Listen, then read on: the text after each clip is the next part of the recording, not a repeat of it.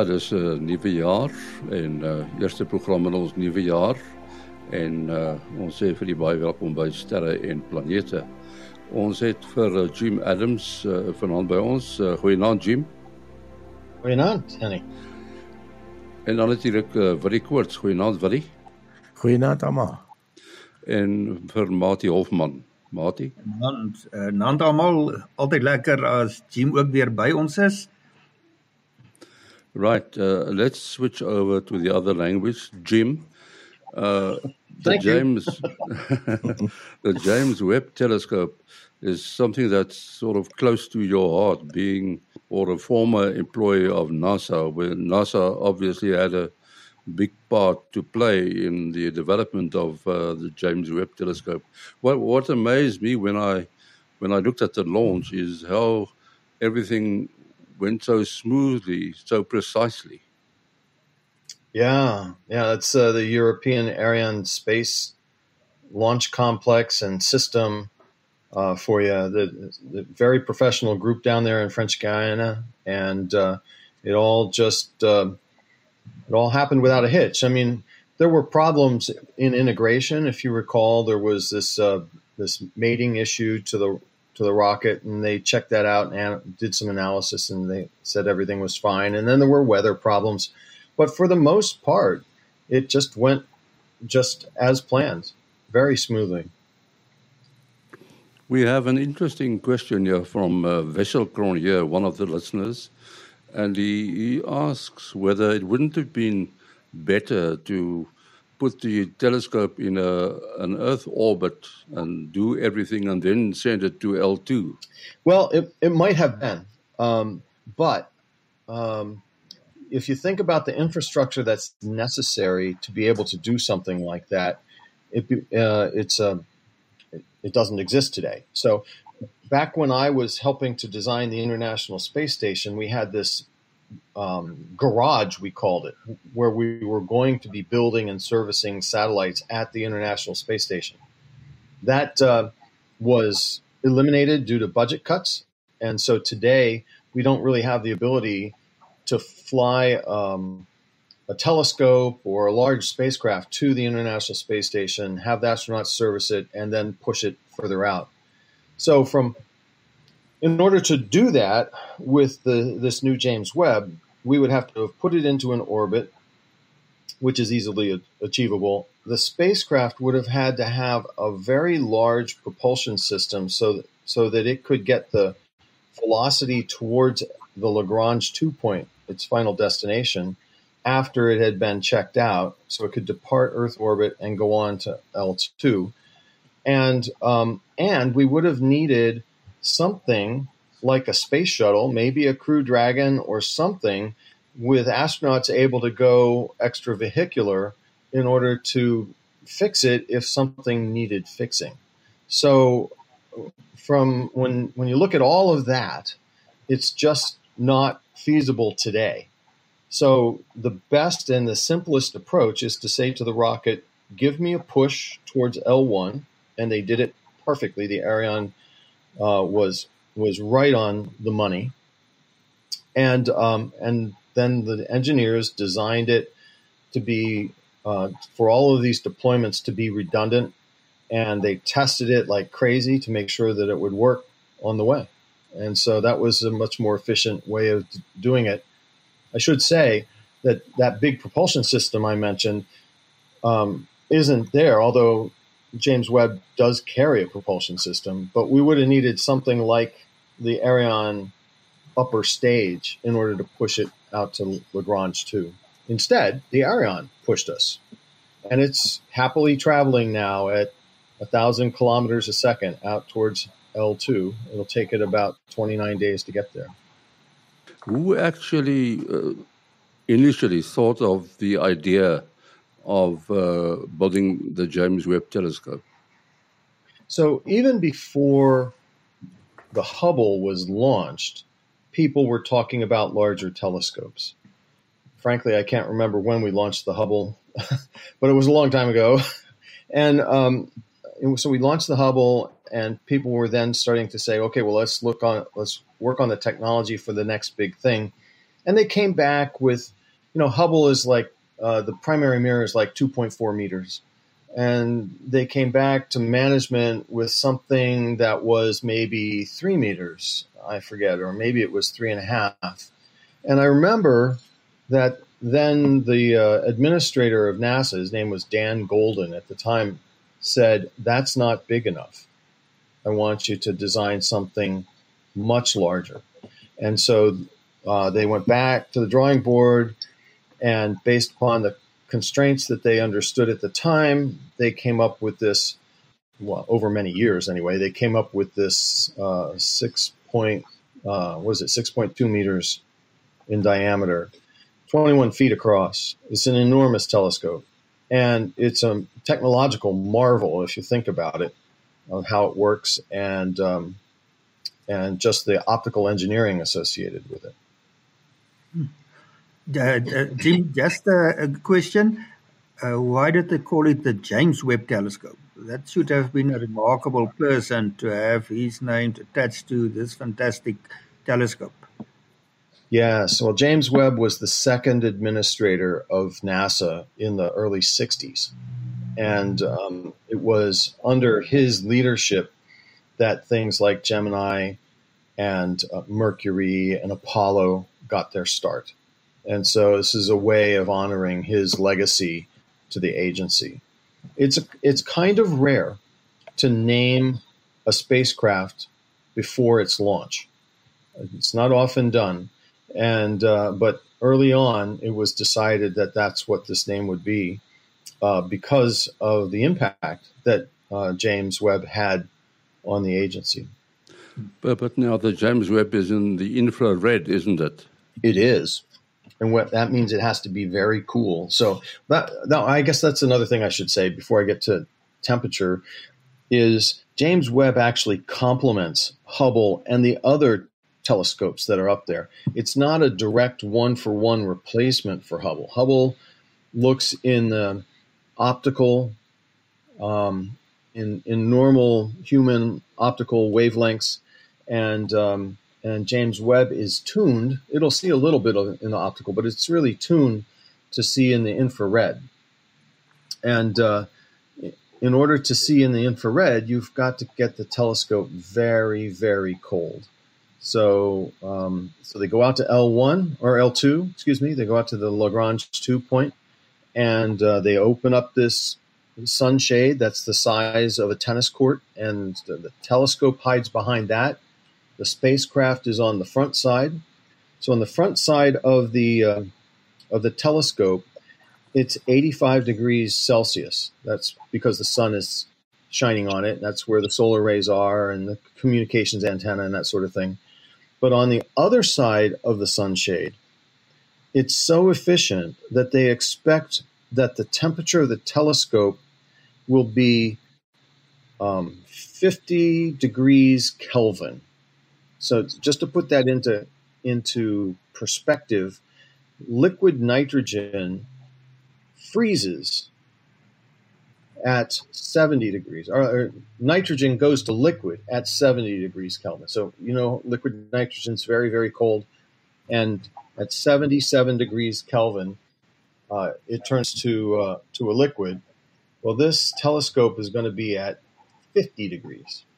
And beyond that, there's one instrument that needs to be even much colder than that, and it it will have an active cooling system that cools it down to seven degrees Kelvin, seven degrees above absolute zero.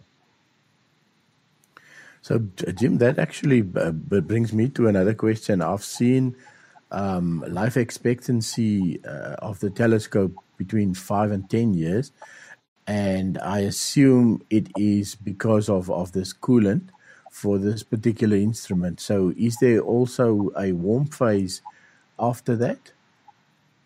The seven to 10 years or five to 10 years lifetime expectancy has more to do with the propellant that it carries than the cooling okay. system. Okay. The cooling system is a closed loop system and should, unless it fails for some reason, um, should operate indefinitely the main reason that they say there's a five to 10 year lifetime on the telescope has to do with the degradation of the of the uh, or the, the use of the propellant on board to do the station keeping around the Lagrange two point. I should also say the mirror is also designed anticipating that it's going to degrade as well due to micrometeoroid um, and dust damage. So um, over time, the uh, reflectivity of the uh, of the telescope is going to go down as well. Of the main mirror will go down. But there are also a set of reaction wheels that that does, uh, but but that's more just to point the telescope. So the propellant yeah. is to is to keep keep it in in orbit around L two. That's right. So you have the propellant that keeps it in orbit around L2. The reaction wheels will steer the the telescope towards this region of sky that they want to look at. And then there's a a fine steering mirror that will help keep the James Webb uh, fo- uh, not focused but uh, entrained on the region of space that it's supposed to be at. So if there's any little bit of jitter in the in the spacecraft, if there's a little bit of vibration due to the cooler or something, this fine steering mirror will respond to that vibration and null it out. So the image stays as perfectly still on the focal plane of the camera as we can possibly make it. Now, the uh, the propellant is it still hydrazine? It's hydrazine, but it carries an oxidizer some of the most of the spacecrafts that I built just carried hydrazine. We call that a monoprop system. It uses one propellant, and um, and you you you flow hydrazine across a catalyst bed. It heats up, creates a gas, and you blow it out the uh, the rocket nozzles. Um, the uh, a, a bipropellant system, you flow hydrazine into a, a thrust chamber with the um, oxidizer, and when they contact each other, they explode. That creates a gas, and then they blow it out the rocket nozzle. Um, it's much more efficient than a monoprop. So this is called a biprop. It's it's hydrazine plus the oxidizer is, is called a biprop system.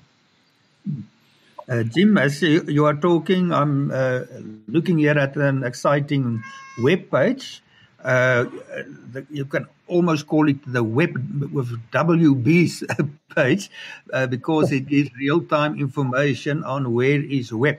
And if the uh, people listening to this uh, program, they can just Google where is Webb at NASA and they will end up there. It indicates the distance it has already uh, traveled from Earth.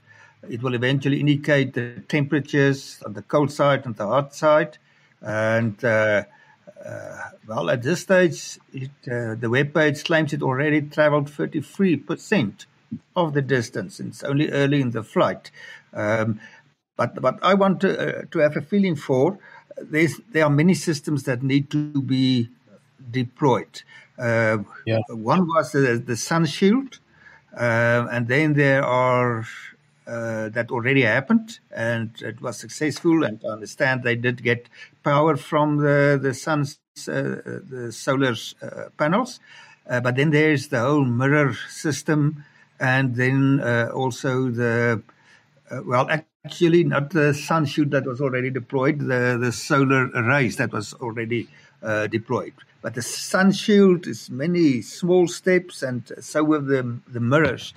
Uh, now, of all the things that have to happen from the folded up configuration to the eventually being in a fully deployed operational configuration, uh, what of those steps are time critical that has to happen within a small uh, interval of time, and what of those deployments and and events, course corrections, or whatever it's not too stressful exactly when you do it. And if you're tired today, you can continue tomorrow. Yeah, yeah. So the most critical, time critical um, event has already happened, and that was the deployment of the solar arrays. In fact, um, the second stage of the Ariane caught the solar array deployment. I don't know if you saw that on the video or not. After it released the uh, James Webb from the second stage, uh, James Webb is pulling away, and the Ariane second stage is doing an avoidance maneuver, and just uh, out of the corner of the lens, you can see the solar ray pop out. So that was very good news, because without that, then the spacecraft is on batteries and um, and won't have enough power to operate. So uh, so that was the primary thing. The next most critical event was the uh, mission course correction. I think they call that A, 1A or something like that. Um, and, and, that was a, a burn designed to take out the dispersions from the launch vehicle. And it could have been anywhere from nothing, not very long at all, to several hours. But um, but the the Ariane put us on a trajectory that was so accurate that it was I, I forget the number of minutes. It was maybe maybe an hour. Um, uh, the burn, and uh, and that all went smoothly as well. So now James Webb is on its way, traveling a thousand kilometers a second out towards L1, and um, uh, it can take its time deploying the sun shield, which is what's happening uh, the week that we're recording this. And by the time this episode airs, uh, should be fully deployed. And then after that, they uh, they'll um, take the time and begin to release the mirror segments. Um, I guess first there's a tower that has to go out, and then the mirror segments go out, and there's a bunch of other deployments that have to happen. All told, the whole commissioning of the spacecraft, including getting to L1, deploying the sun shield, uh, deploying the primary mirror and and um, and the telescope tower, um, that all will take about six months before they're ready to actually start doing science operations. Hmm. And uh, Jim, when it approaches the L2 point, traveling at a considerable speed, so uh, it should use fuel then to decrease its velocity so that it can go in orbit around the L2 point. What time interval will that happen? Is it uh, one one event where they burn the, the rockets for an hour, or is it in smaller steps? How is, does that typically happen? Because I can uh, assume, of course, if you don't uh, break it effectively, it will just fly past the L2 point, and then you have a bit. Probably you won't be able to to turn around. There's a mid-course correction burn that they call MCC2 that happens at about 29 days after launch, and that begins the insertion into the L2 orbit. I'm not sure how long a burn it is, but I'm going to guess that it's going to be significant. The the thing though is about the uh, the burn is that you can do it in bits. So like you start the burn, and if something isn't happening exactly the way you want, you can stop it, and you can try again later. They will undoubtedly um, have the propulsion system fully calibrated by the time they get to that point because there are other burns.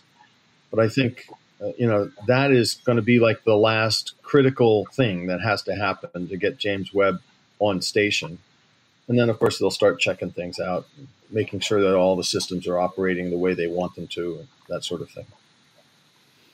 If you uh, look at the communication between uh, the vehicles on Mars and, and the Earth, and uh, the James Webb Telescope. Obviously, the communication is much faster on the James Webb Telescope. Uh, yeah, well, it's not not anywhere. You know, it's only a million miles out, and so uh, I say a million miles. What is that? One one and a half million kilometers, I think. Um, compared to the orbit of Mars, which is much much further out, and so, uh, but they both are using the same uh, deep space network system. So they broadcast into the antennas that we have in uh, Goldstone and Spain and Australia. And um, because they're much closer in, um, they can get better bandwidth um, than you would get if you were at Mars. Yeah, in fact, on, on Monday morning, I'm, I'm on a on another uh, WhatsApp group of a, of a lot of enthusiasts of space.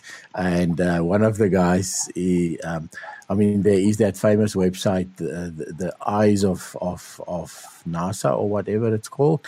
Um, incredible website where you can see all the comms from the different uh, those three stations you've just mentioned, and uh, antenna 24, which is one of the smaller ones at Goldstone, was actually busy transmitting and receiving uh, information from the James Webb Space Telescope, uh, which be, being the smaller antenna.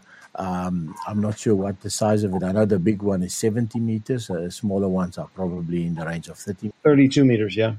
32. Okay, yeah, yeah, yeah. Which is which again is exactly uh, driving home that point that you've just mentioned. Just just a correction. I think you mentioned a few times L1 in, instead of L2. There, there's no oh. involvement of, of Lagrange 1. You, uh, we're only going to, yeah. L2. Is that true? Yeah, okay. Yeah, I, I just misspoke. And sometimes yeah. sometimes I'll call James Webb Hubble too.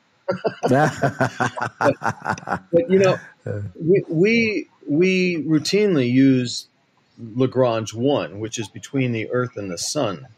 Um, mm-hmm. For solar and Earth observing missions, solar physics missions, but we've also used Lagrange 2, which is out beyond the Earth, um, for astrophysics missions. And uh, like the Planck Observatory is out there.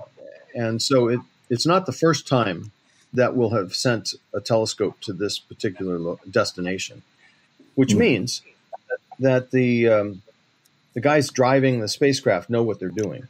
You know, it's yes. not like they're making. Yeah, what's the difference between L1 and L2? Is the L1 uh, the, that specific point where the gravity of the Earth and the Sun cancels uh, one another out? Yes. Yeah, yeah. Both, both so, of them, L1 and L2, but L1 is between the Earth and the Sun, and L2 is further out at uh, 1.5 million kilometers. Right, and the orbital velocity matches matches the Earth, and so it, it's a there, there's five of these points. There's, there's there's L1, there's L2, there's L3, which is on the other side of the sun that we don't use, and then uh, L4 and L5 are to the right and the left. And uh, if you recall, when we talked about um, the Lucy mission, it's headed out to the L4 and the L5 uh, associated with uh, Jupiter and the sun.